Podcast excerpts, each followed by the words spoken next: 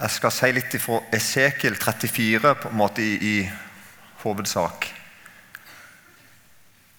Jeg kjenner ikke, jeg kjenner ikke Esekiel noe særlig. Det er lenge siden jeg har lest hele Esekiel fra ende til annen. Jeg har ofte vært inne før og lest litt om beskrivelsen. Det hadde mange sånn bra beskrivelser av kiruber og engler, sånn, livsvesenet. Da har jeg ofte vært og henta litt opplysninger om hvordan de ser ut. Det, det, som slår meg med Esekiel er at det er veldig sånn, jeg tror det så 13 ganger tror jeg i løpet av Esekiel kom der datoer på når han fikk et budskap fra Gud. Og Samtidig, når jeg leser Esekiel, så klarer jeg ikke å forstå helt rekkefølgen. Er det, er det en rekkefølge fra kapittel 1 og ut, eller er det ikke? Eller er dette ting som skal skje, eller har det skjedd, eller er det bare bilder på ting?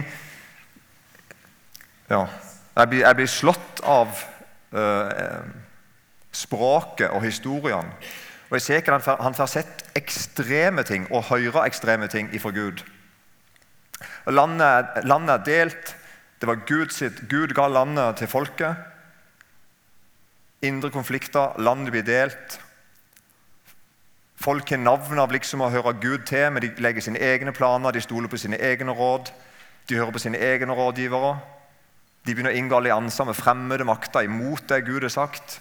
De stoler på sin by, sitt folk, sin makt, sin, sin, sin, sin egne forstand, sin gudsdyrkelse. Og de er delt, og de er bortført mange. Esekiel òg blir bortført.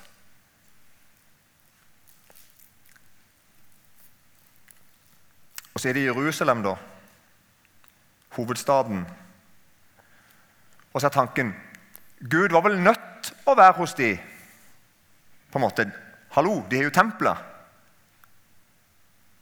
Gud var jo nødt til å være der. Det er jo huset hans sitt. Det er jo en tanke, i fall tenker jeg det. Hvor, hvor skulle han helst ha vært? Og liksom, Tenk på historien folket har. Altså, Den Gud som vi tror på, også her i Norge, vi kaller han jo for Israels Gud. Abrahams Gud, Jakobs Gud. Ikke sant? Selvfølgelig må Gud være i tempelet. Gud bor jo der. Og Gud kan jo ikke forlate deg, liksom så får du en, jeg får en slags følelse av at um, folk begynner å tenke at vi, vi eier Gud. Vi eier Gud.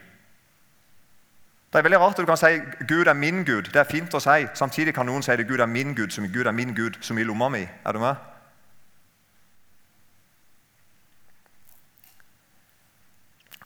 Så leser du noen kapitler. Vanvittig drøye kapitler. Kapittel 3, kapittel 4. Og så kommer du til kapittel 10 så får Esekiel da sett kirubene som blir beskrevet som jeg, jeg, helt vilt hvordan de ser ut. skal jeg si. Og noen hjul og masse detaljer om hjulene på dem. Men kirubene sto på høyre side av huset da mannen gikk inn. Det var en mann i linklær som gikk inn. Og Skyen fulgte den indre forgården. Nå er han altså på vei inn i tempelet. Og Herrens herlighet løftet seg opp fra kirubene og flyttet seg til husets dørterskel. Altså, Guds herlighet er på vei ut av tempelet. Nå står Guds herlighet på dørstokken, på vei ut av sitt eget tempel. Og huset ble fullt av skyen, og forgården ble full av glansen fra Herrens herlighet. Lyden av kirubenes vinger hørtes helt til den ytre forgården, liksom røsten av den allmektige Gud når han taler. Så og vi noen vers til vers 18. Jeg er fortsatt i Esekiel 10. Herrens herlighet flyttet seg bort fra husets dørserskel og ble stående over kirubene. Jeg så hvordan kirubene løftet vingene og hevet seg fra jorden da de gikk ut. Og hjulene ved siden av dem. De ble stående ved inngangen til den østre porten i Herrens hus. Og Israels Guds herlighet var der oppe over dem. Dette er en beskjed. Ingen eier Gud. Ingen.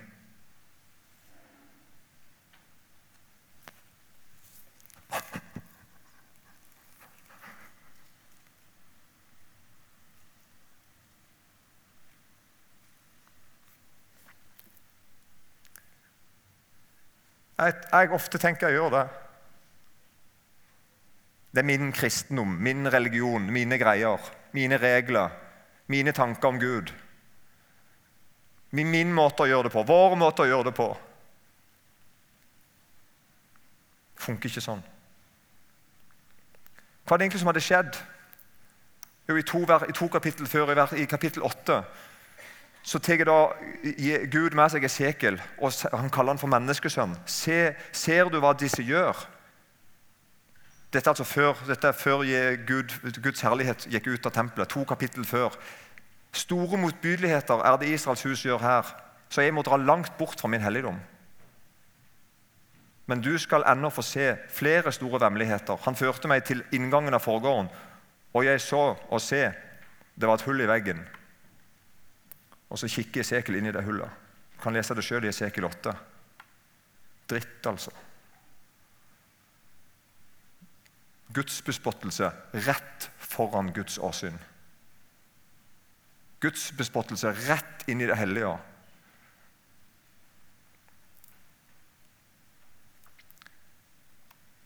Og etter, etter Guds herlighet flytter ut av tempelet, så begynner Gud å forkynne dom over onde rådgivere. Jeg har skrevet her 'stakkars feige ledere', og det mener jeg. Stakkars feige ledere som ikke tør å følge Gud.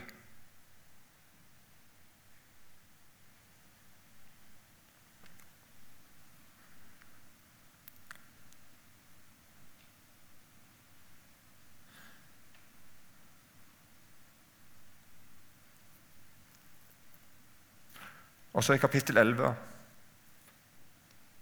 så reiser Gud, Guds herlighet, ut av byen.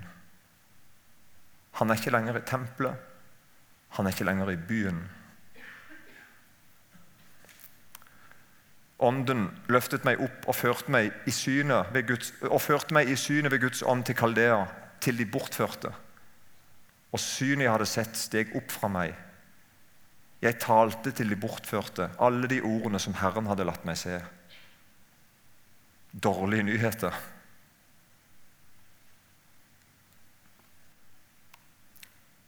De hadde dårlige hyrder. Eller vi ville ha sagt kanskje ledere. Men hyrde var, var og er et kjent begrep. Ser litt sånn ut. En hyrde han fulgte flokken sin hele tida. En hyrde eide flokken sin. Det var hans flokk. Han hadde en egeninteresse i dem. Han gikk med dem dag og natt. Han passet på at sauen fikk det de skulle ha av mat og drikke, søvn. Han passet på i forhold til ville dyr, han passet på i forhold til kjeltringer og tjuver. Folk som ville stjele dem. Han passet på når de ble syke. Han så til de som halta. Ofte måtte han bære et lam, sånn som her. Hyrde er et fantastisk ord. Herren er min hyrde, sier vi i Salme 23.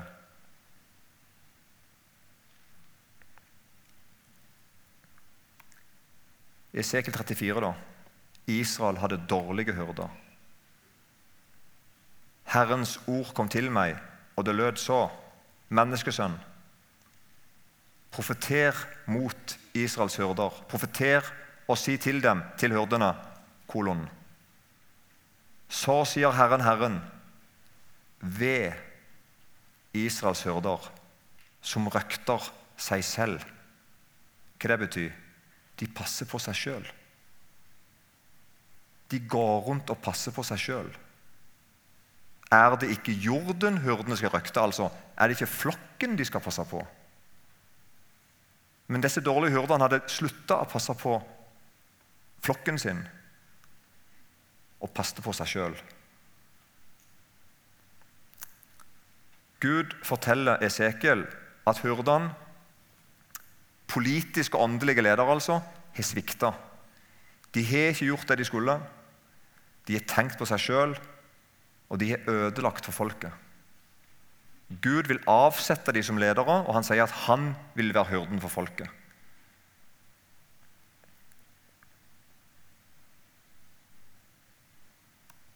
Så Hyrden han har altså en egeninteresse i flokken. Det er ikke bare sånn at jeg skal passe på deg fordi at du har bedt meg om det, eller fordi jeg skylder deg en, eller sånn, men når Jesus som hørte da, han tenker at han passer på deg fordi du er hans sin. Han eier deg. altså han er din, han er, Du er hans eiendom. Han har en egeninteresse i å passe på deg. Han er ikke med som bare har fått betalt for å gjøre det, eller at det er jobben hans, eller at han er grei med deg ei uke. Han bryr seg om deg 24-7. Og Han følger oss, han leder oss, han er omsorg, han beskytter og han ofrer seg. Og Sånn sier Jesus når han skal definere seg sjøl. Ikke bare som én hyrde, men som den gode hyrde. Altså den beste hyrden. Så sier Jesus i Johannes 10, 11, 'Jeg er den gode hyrde'. Og så kommer det sånn punchline eller sånn hvorfor. eller altså, Den gode hyrde setter livet sitt til for sauene. Jesus døde for deg. Han ga alt for deg. Han ga seg sjøl til deg. Kan du tenke deg? Jeg hørte det. Han går ut døden for deg. Men hyrdene her, i Sekel 34, vers 2 og utover ved, og ved er et forferdelig sterkt ord. Det er et grusomt ord hvis Gud roper 'ved' over oss. Det er helt forferdelig ved Israels hyrder som røkter seg selv, er det ikke jorden hyrdene skal røkte. Sant? Er det ikke flokken de skal passe på? Dere eter fettet og kler dere med ullen. Hva jeg vil si? De utnytter sauene. Så er det en hyrde som på en måte utnytter sauene. De fete, det fete slakter dere, jorden røkter dere ikke. Det svake har dere ikke styrket, det syke har dere ikke lekt. Det som er brutt ned, har dere ikke forbundet. Det bortdrevne har dere ikke ført tilbake, og det fortapte har dere ikke oppsøkt. Men med vold og med hardhet har dere hersket over dem.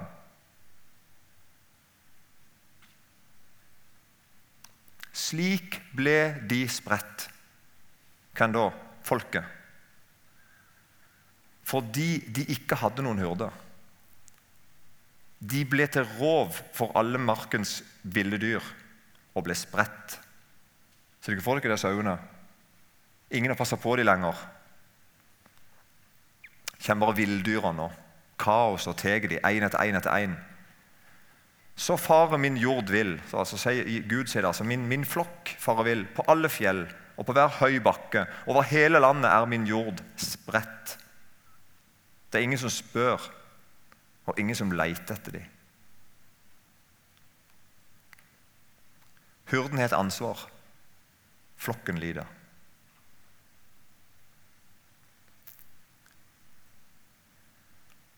Hva var det egentlig de dårlige hyrdene gjorde?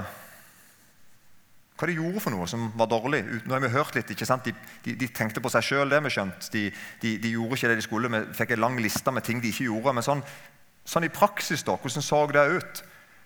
Og det har jeg tenkt litt på her eh, i kapittelet før, i, i kapittel 33, så sier Gud noe til Esekiel. Han sier ditt folks barn taler sammen om deg ved veggene og i husdørene. Altså Gud sier til Esekiel folk snakker om deg, Esekiel.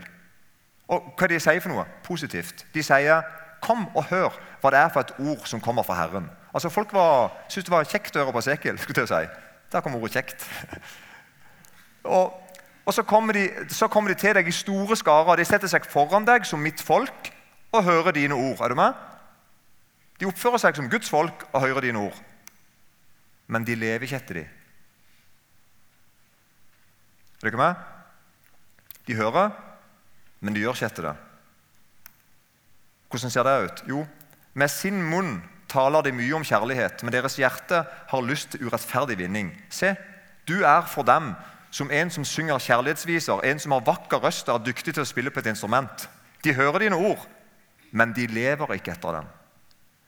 Og Dette er jo en dom over folket. Ikke sant? Men grunnen til at folket er blitt sånn, det er at hyrdene har allerede vært sånn. Det er hyrdene og lederne som har lært tilhørerne å ikke gjøre etter det de hører. Hvordan da? Må går gå foran med et godt, som et godt, eh, dårlig eksempel. De levde ikke sjøl etter det de visste de skulle leve etter. Derfor kunne de heller ikke lære det videre. Er ikke med på dette her? Dette er alvoret. Dette er alvoret over mitt liv. Jeg er, jeg, er, jeg er, nødt til, og jeg er pålagt av Gud, at jeg ikke bare står og snakker til folk, men ikke lever etter det sjøl. Det er forferdelig når det skjer. Så Det jeg ser i, i kapittel 33, rett foran denne dommen over hyrdene, er at folket hadde lært at det gikk an å høre hva Gud mente om forskjellige ting, og til og med synes at det var interessant, bra. De kom i flokkevis, men de levde ikke etter det. De hadde lært at det går an. Det går an å vite en haug ting om Gud og så ikke bry seg om det. Jeg har hatt noen svære hyrder i mitt liv. Jeg er ikke spurt om å vise dette bildet, men du sier det ikke til noen. Det er foreldrene mine. Det er tatt eh, fem minutter før 2019 eh, var slutt, så det er et ganske ferskt bilde. Far min er 88, mor mi er mye yngre. Sier ikke alder på dame. Takk Jesus for mor og far.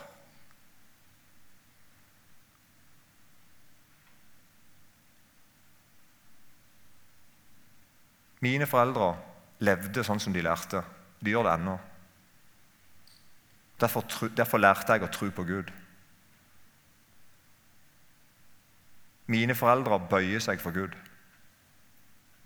De er ikke større enn han. Mine foreldre eier ikke Gud. Han eier dem.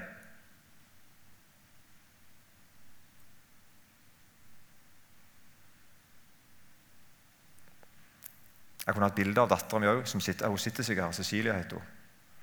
Dattera mi lærer meg å tro på Gud. For hun lever sånn som hun lærer. Veldig viktig.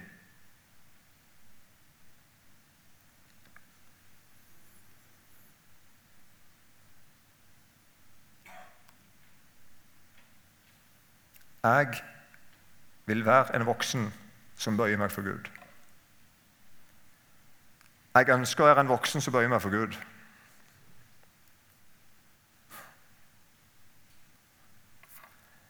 Som ikke bare hører og hører, men som Gud kan stoppe opp. Jeg ønsker å være foranderlig, at Gud kan få lov til å forandre meg. Altså, jeg ønsker å være foranderlig i møte med den uforanderlige. skjønner du ikke? Jeg ønsker at Gud kan få lov til å forandre meg. Jeg vil være en mann eller far eller bror eller nabo eller venn eller you name it, som blir trodd på, som folk kan ha tillit til. Jeg vil være en lærer som ikke blir avslørt som en bløff. Nå har jeg sagt det til dere.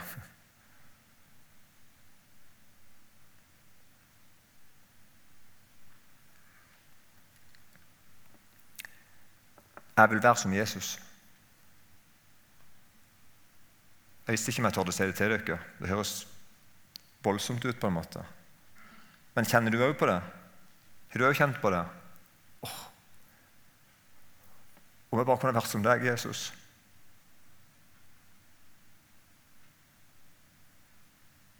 Det er ikke teit å ønske det.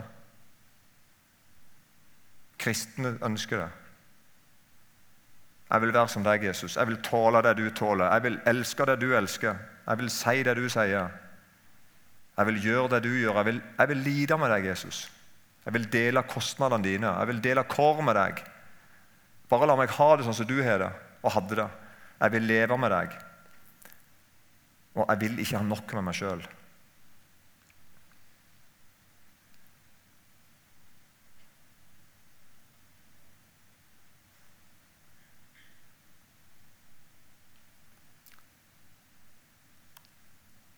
Siste verset, siste versene for Filipperne 2,5, sagt til kristne mennesker La dette sinn være i dere, som òg var i Kristus Jesus.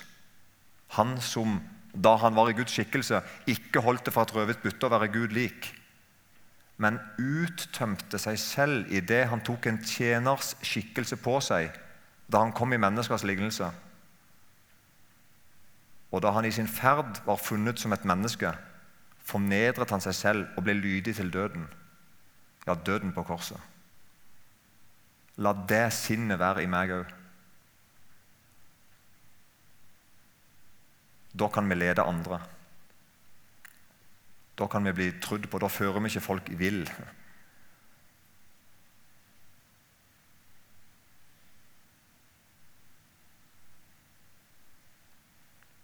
Kjære Jesus,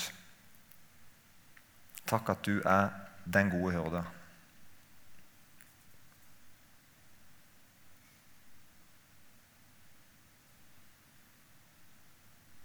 Jeg ber deg, forbarme deg over vi som sitter her, vi som hører på.